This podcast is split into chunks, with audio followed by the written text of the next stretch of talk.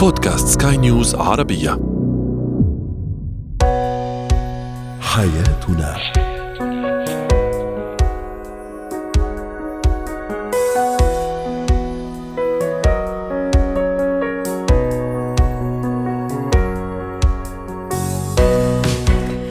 مستمعينا الكرام أهلا بكم معنا إلى حياتنا. فضاؤكم اليومي الذي يعنى بشؤون الأسرة وباقي الشؤون الحياتية الأخرى والذي يمكنكم الاستماع إليه.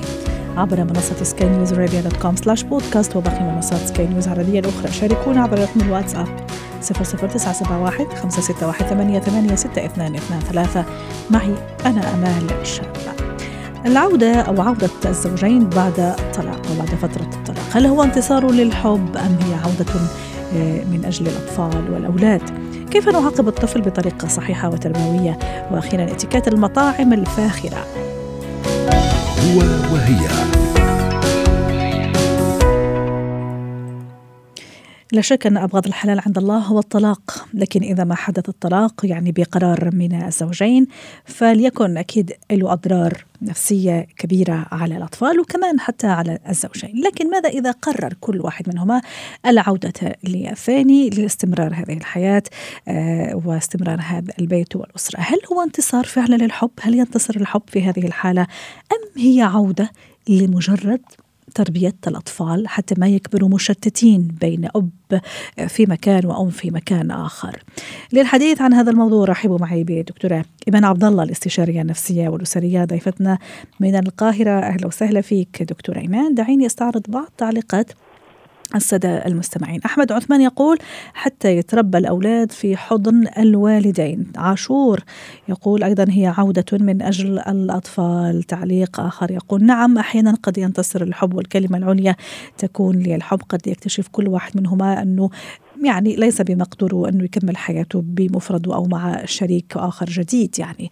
أه وتعليق آخر يقول نعم في الغالب من أجل تربية الأطفال. دكتورة إيمان متى ينتصر الحب؟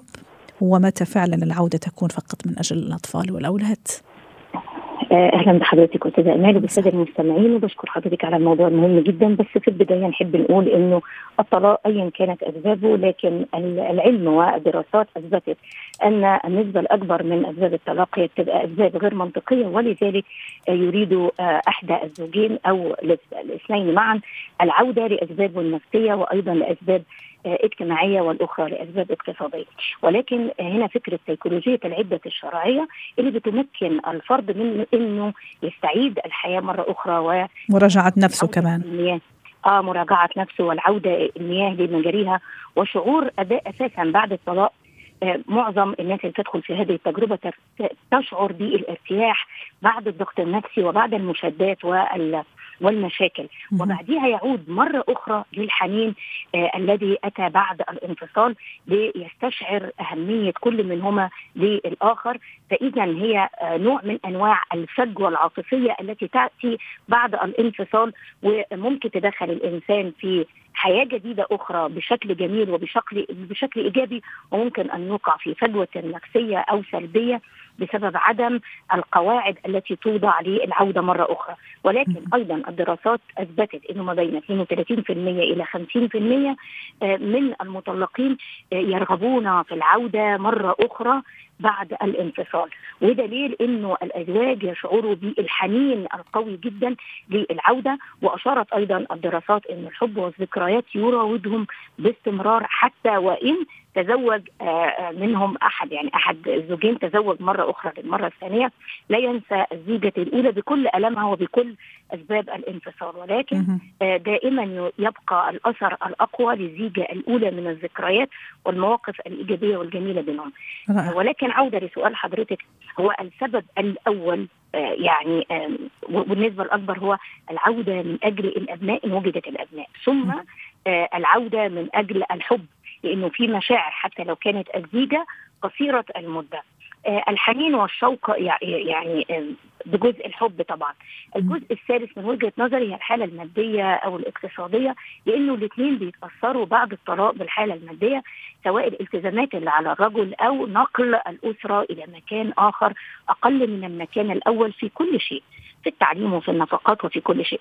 فبالتالي هنا في محرك حسب نوع المشكلة وحسب الأسباب التي أدت إلى الطلاق سواء هي أسباب تمت للخيانة أو لعدم الحب. صحيح صحيح. عم تحكي نقطة في غاية الأهمية. يعني السبب اللي أدى للطلاق كمان هذا حين يكون فيصل مهم يعني وعامل مهم كمان آه، في الإجابة كمان على سؤالنا اليوم وموضوعنا اليوم دكتورة ايمان إيش اللي خلى هذا الزوجين يتطلقوا؟ حقيقي. حقيقي بتبقى في أسباب كتيرة ممكن م. تبقى آه، على فكرة معظم الأسباب بتبقى أسباب بسيطة جدا م. وعدم تداولها أو عدم حل المشكلة واستراتيجيات آه، يعني آه، للمشاكل اللي بين الزوجين أو تدخل أحد أطراف آه، العائلة بقى يعني الأم الحما في الأمور دي دون دون متخصص أو دون استراتيجية للزوجين وضعوها لحل المشكلة لأن المشاكل كثيره نعم. قد تكون النفقة المناسبات البخل الكذب ايا كان من نوع انواع المشاكل ممكن تسبب طلاق. وفي الآخر بيقول إن كان ممكن هذه المشكلة تحل فيما بعد أو الطرف الآخر يتغاضى عنها أو يتجاهلها ويعتبرها نزوة أو يعتبرها خطأ آه وممكن إنه اصلحه طيب دكتورة إيمان آه يعني شو مكان ال ال يعني ال آه، راح مني الكلام. شو ما كانت الإجابة؟ يعني سواء العودة من أجل الأطفال ولا الانتصار للحب.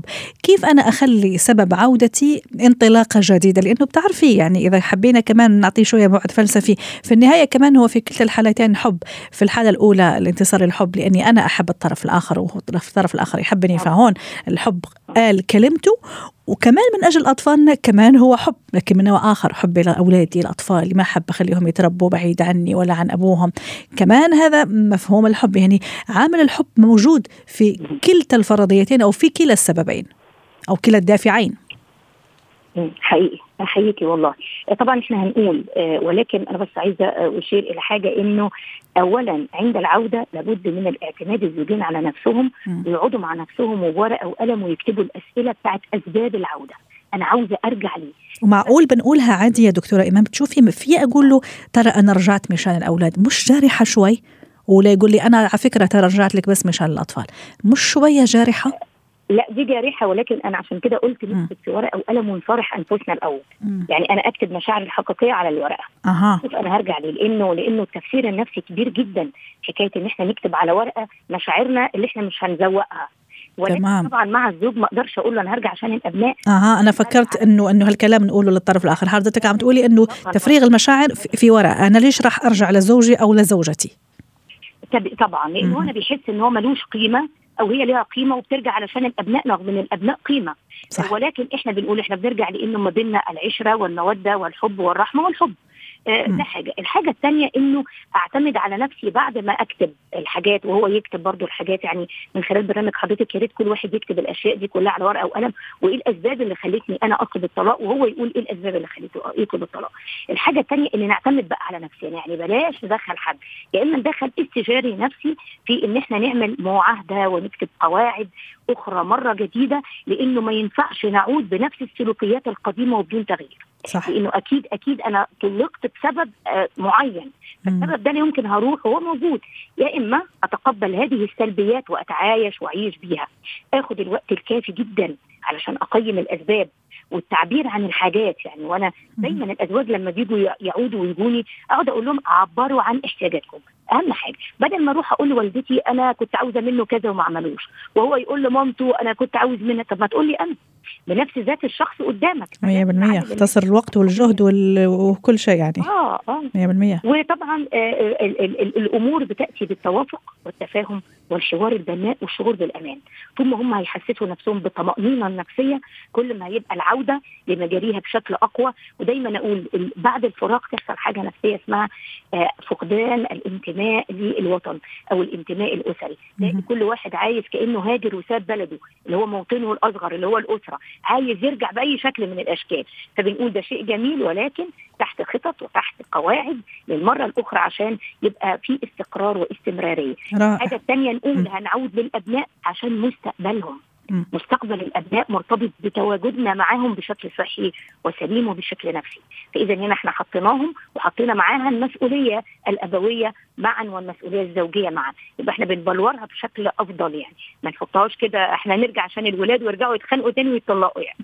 لا فلازم نحط الأولاد بشكل مسؤولية. نحن لدينا مسؤولية تجاه الأبناء ودور. وكمان نحاول نحب أنفسنا اولا. حتى أوكي حبي لأولادي هذا شيء جميل ورائع.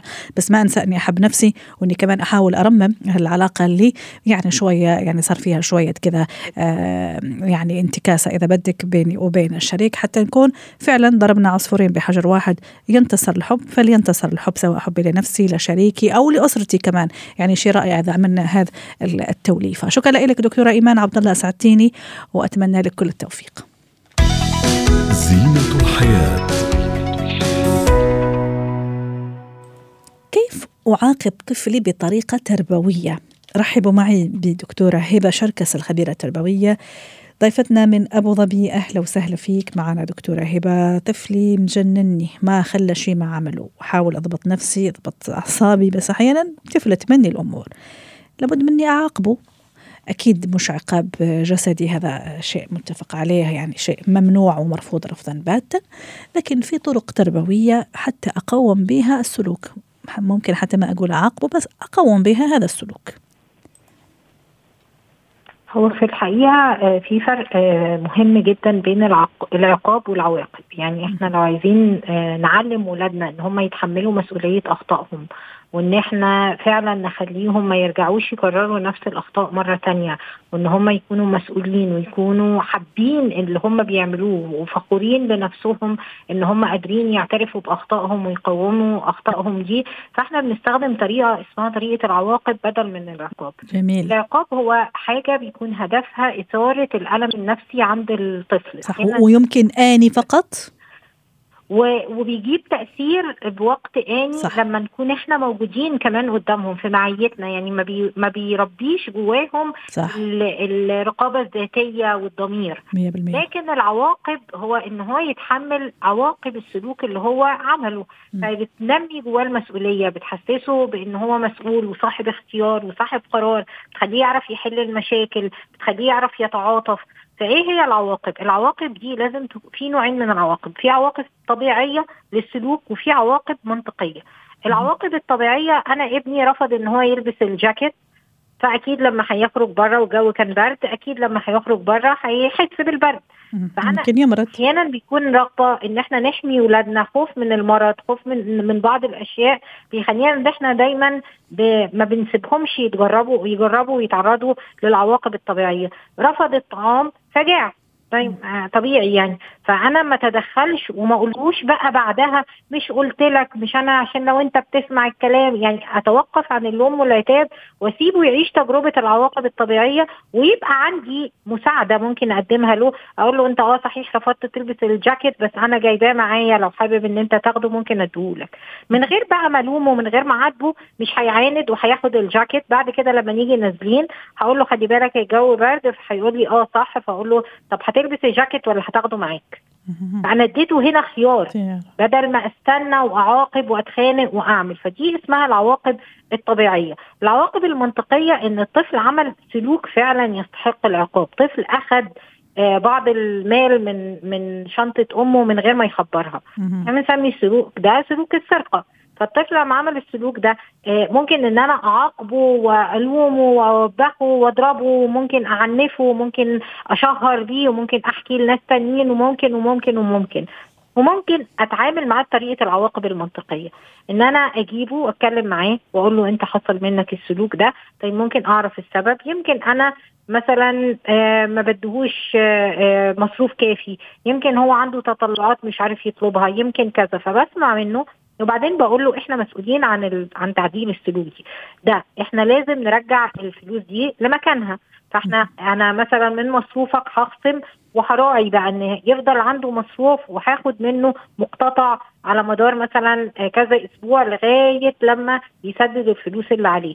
وبعدين أقول له إن أنت لازم تعترف بخطأك وتحس بالفخر إن أنت صلحت الغلط وتوعد نفسك قبل ما توعدني أو قبل ما توعد أي حد إن أنت مش هتكرر السلوك ده. رائع. لما بمشي بهذه الآلية على فكرة يعني شو طولة البال اللي اللي اللي, اللي هذا الموضوع يا دكتورة هبة؟ يعني فعلا طولة البال وصبر واطلاع. من قبل الأهل يعني حقيقي. مم. بس أنا عايزة أقول حاجة مهمة قوي إن آه بيحتاج طولة بال بس ال ال الآثار نتيجتها أو ثمارها.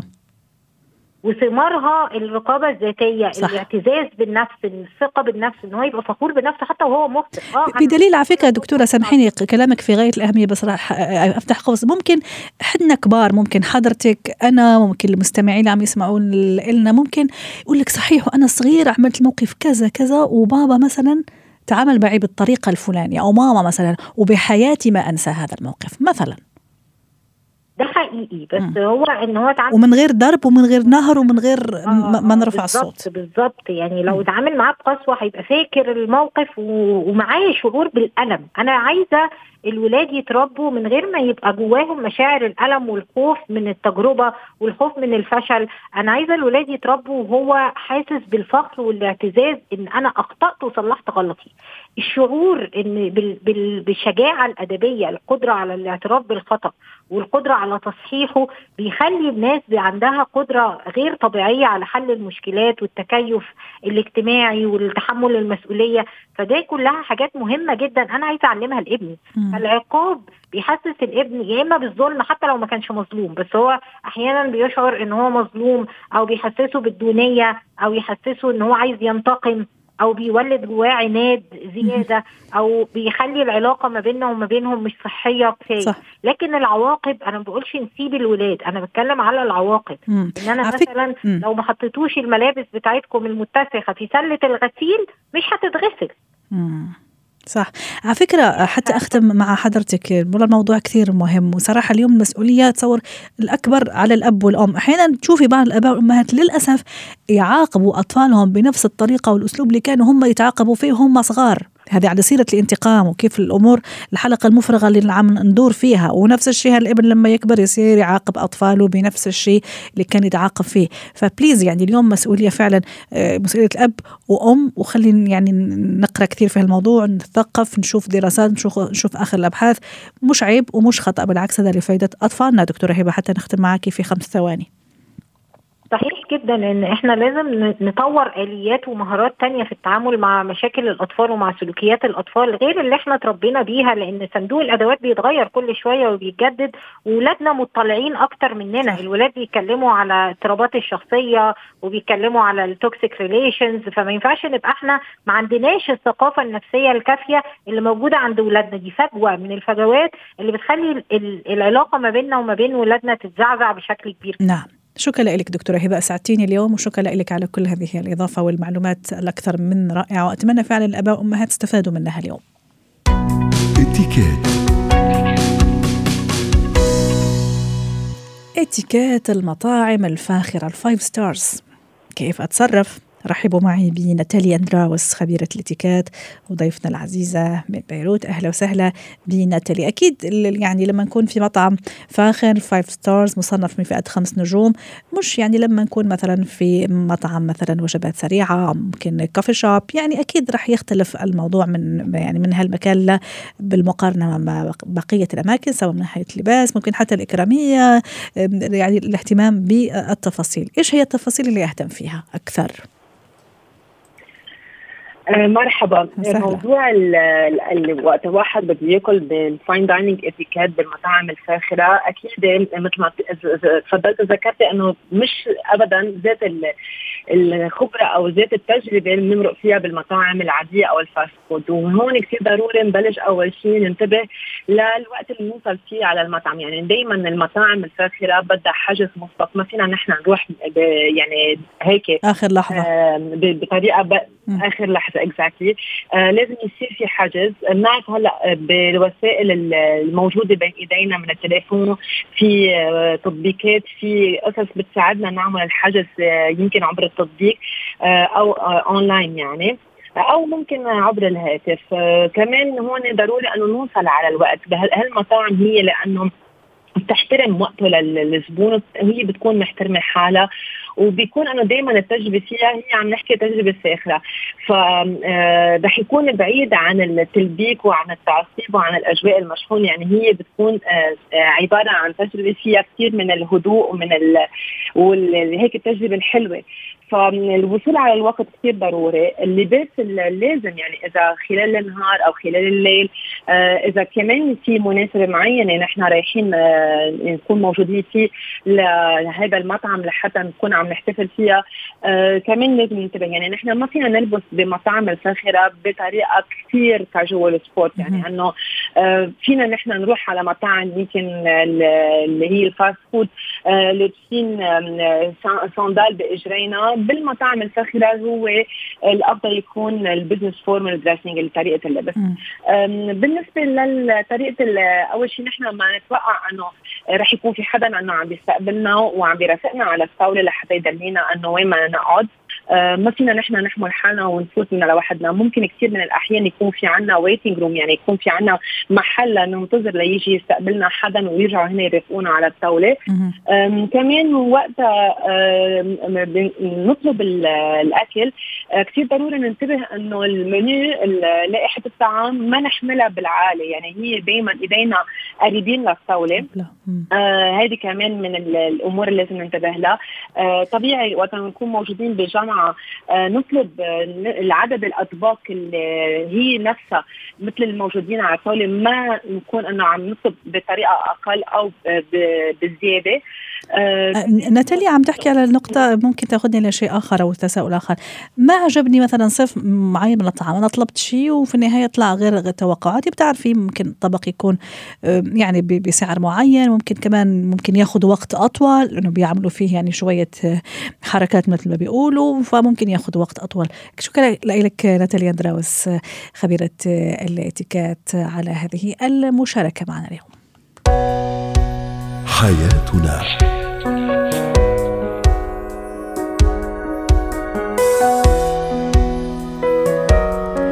ختام حلقة اليوم من حياتنا. شكرا لكم وإلى اللقاء.